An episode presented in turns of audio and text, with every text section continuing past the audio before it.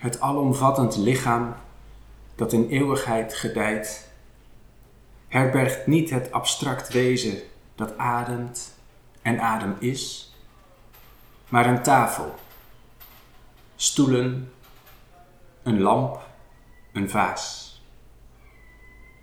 Aan tafel zitten drie mensen. Twee van hen drinken uit tot kommen gevormde handen en bloeien. Twee wilde bloemen. De derde aan tafel is dood. In krullen gegroeide nagels, uitgedroogde ogen. Hij drinkt uit de vaas. Het licht, gedimd, valt neer in schijnrode sluiers over de naakte handen van de wilde bloemen, de doden.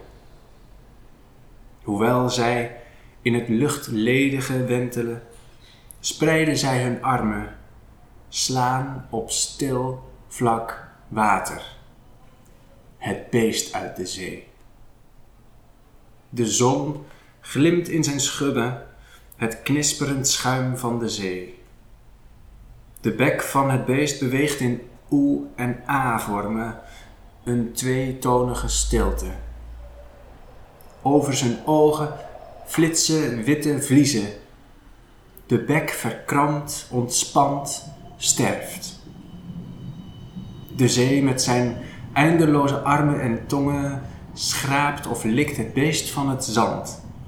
De dode veegt een krent of een vlieg van tafel.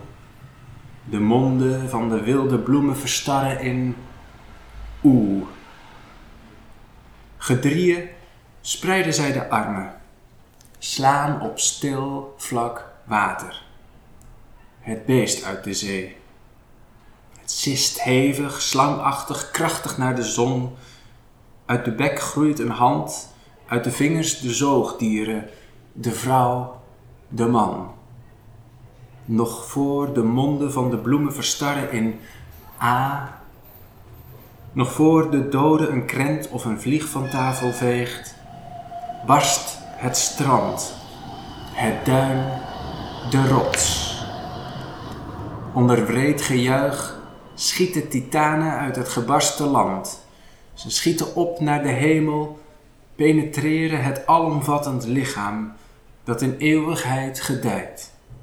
Dat niet het abstract wezen dat ademt en adem is herbergt, maar een tafel, stoelen, een lamp, een vaas.